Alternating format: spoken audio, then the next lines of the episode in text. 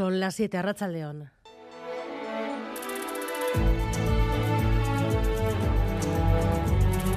Gambara con Arancha García. Fin al caso de Miguel. El Tribunal Supremo ha confirmado las principales penas y Manuel Manterola. En el caso de, de Miguel, la pena es de 12 años y 4 meses de prisión, aunque cumplirá 9, además de una inhabilitación y multa. A Ochandiano se le han impuesto 7 años y 6 meses de cárcel. Y por último, Tellería a 5 años y un mes de prisión. Son 7 delitos en total, todos relacionados con la corrupción, entre ellos tráfico de influencias, cooperación a la prevaricación, cohecho, malversación de fondos públicos y blanqueo de capitales. Y otras 5 personas que el Supremo considera que formaron parte de la trama de corrupción. Vamos a destacar por su elevada pena a Xavier Sánchez Robles, exdirector de Juventud del Gobierno Vasco, sobre el que pesan más de siete años de prisión. Vamos con las reacciones enseguida, pero sobre la ejecución de la sentencia. La audiencia de Álava decidirá cuando le sea notificado el fallo y el Gobierno vasco ya ha anunciado que en cuanto la notificación sea oficial, los condenados perderán sus trabajos en el sector público. José Luis Fonseca. Sí, en cuanto a la sentencia del Supremo se ha notificado oficialmente, los dos condenados por corrupción con penas de cárcel, Alfredo de Miguel y Coldo Chandiano, serán despedidos. El Departamento de Desarrollo Económico, que dirige Arancha Tapia, ya ha dado orden directa para que las gerencias de la Fundación ACI y del Parque Tecnológico de Áraba lleven a cabo esos despidos en cumplimiento tanto de la sentencia del Alto Tribunal como del Estatuto de los Trabajadores. Y la Fiscalía, como se esperaba, corrige al Ministerio del Interior el nuevo protocolo sobre los maltratadores que ayer anticipaba Grande Marlasca no va a poder ser, no se puede alertar, dice, de los antecedentes de todos los maltratadores, Nerea Sarriegui.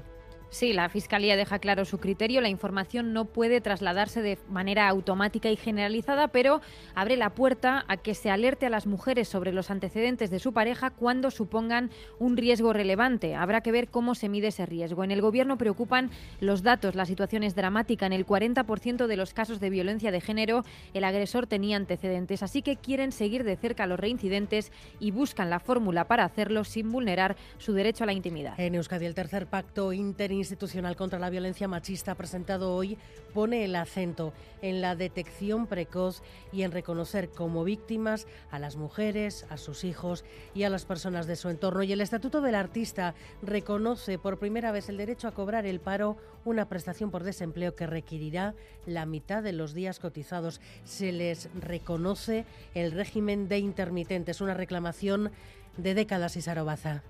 Sí, el Gobierno quiere reconocer la complejidad de este sector. La medida estrella es la prestación especial al desempleo adaptada a la intermitencia del gremio. Para percibir cuatro meses de paro, los artistas y técnicos deberán cotizar 180 días y no los 370 que se exige en el régimen ordinario. Además, el estatuto contempla que las personas jubiladas puedan cobrar al mismo tiempo la jubilación y los derechos de autor. También se reduce la tasa de autónomos para los profesionales con ingresos menores a 3.000 euros. Hemos querido testar las primeras reacciones del sector. Esta es una de ellas, Aitor Merino, actor. Más o menos vivo de esa profesión, pero he pasado épocas muy malas y, sí, sí, sí, sí.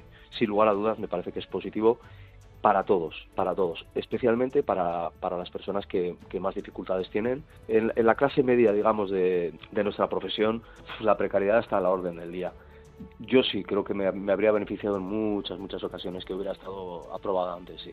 Y en Francia, Macron parece garantizarse mesas de protestas. Se retrasa la edad de jubilación a los 64 años. John Fernández. Efectivamente, lo ha anunciado esta misma tarde la primera ministra gala, Elisabeth Borne.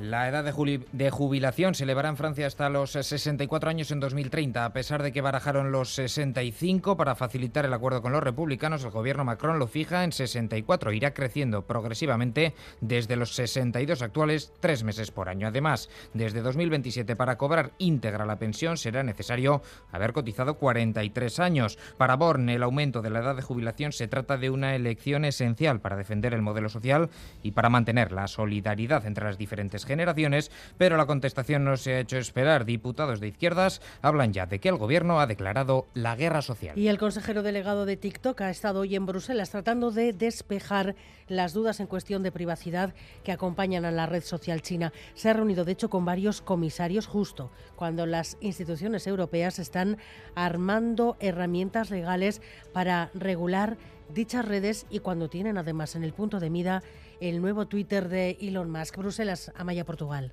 A los congresistas en los Estados Unidos se les ha prohibido descargarse TikTok en sus dispositivos oficiales y además la red social se ha visto recientemente envuelta en una polémica porque monitoreaba la ubicación física de los periodistas que la utilizaban.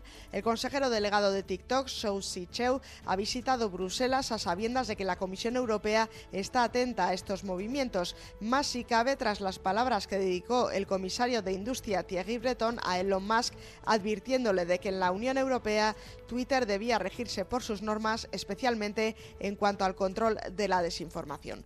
Cuestiones como la privacidad, la transferencia de datos, la protección infantil o las leyes antimonopolio han sido tratadas por el consejero delegado con los titulares de Justicia, Digitalización o Valores. La vicepresidenta para Valores y Transparencia, Vera Yurova, tuiteaba tras su reunión que no puede haber ninguna duda de que los datos de los usuarios europeos están a salvo y no expuestos a que autoridades de países países terceros accedan a ellos ilegalmente, en clara referencia a China. Bueno, pues vamos ya con los deportes. Alberto Negro, Rachaldeón. A Rachaldeón han comenzado ya los octavos de final de la Copa de, de la Reina de Fútbol, con la presencia del Alavés Gloriosas, que está jugando a esta hora en Los Cármenes frente al Granada. En el minuto 20 de partido, el marcador es de Granada 0 a Alavés 0. A las 9 eh, menos cuarto de la noche comenzará en el Sadar el Osasuna Fútbol Club Barcelona, mientras que mañana jugará la Real ante el Atlético de Madrid y el jueves el Atlético en casa del Madrid Club de Fútbol Femenino. Por último, en baloncesto, hoy tenemos cita con la Euroliga, cita con Basconia, el decimoctavo partido de la competición que mide al conjunto Gastistarra ante el Bayern de Múnich en territorio alemán. Basconia, que quiere seguir en lo alto de la clasificación.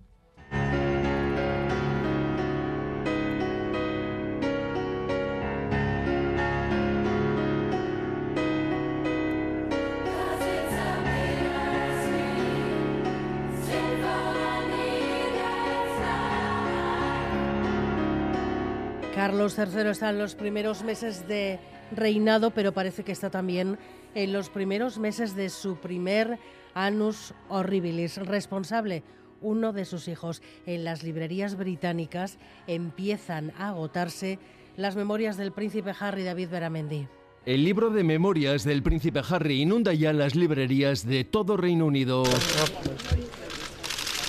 La llegada de los primeros libros era cubierta por decenas de cámaras y fotógrafos. La expectación máxima, gracias a las prerreservas realizadas, es ya el libro más vendido de todo el país.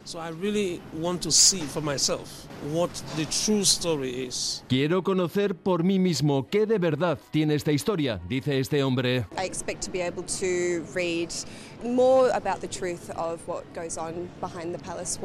Conocer la verdad de lo que sucede detrás de los muros del palacio, añade esta mujer.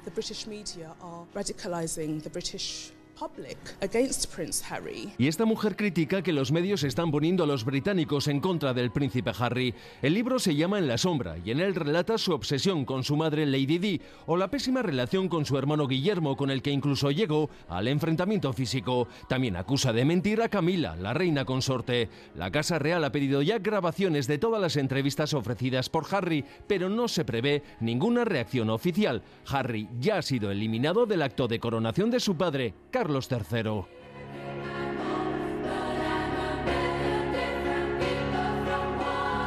Alberto Zubeldi y Maitán Ebujedo están en la dirección técnica, Cristina Vázquez en la producción.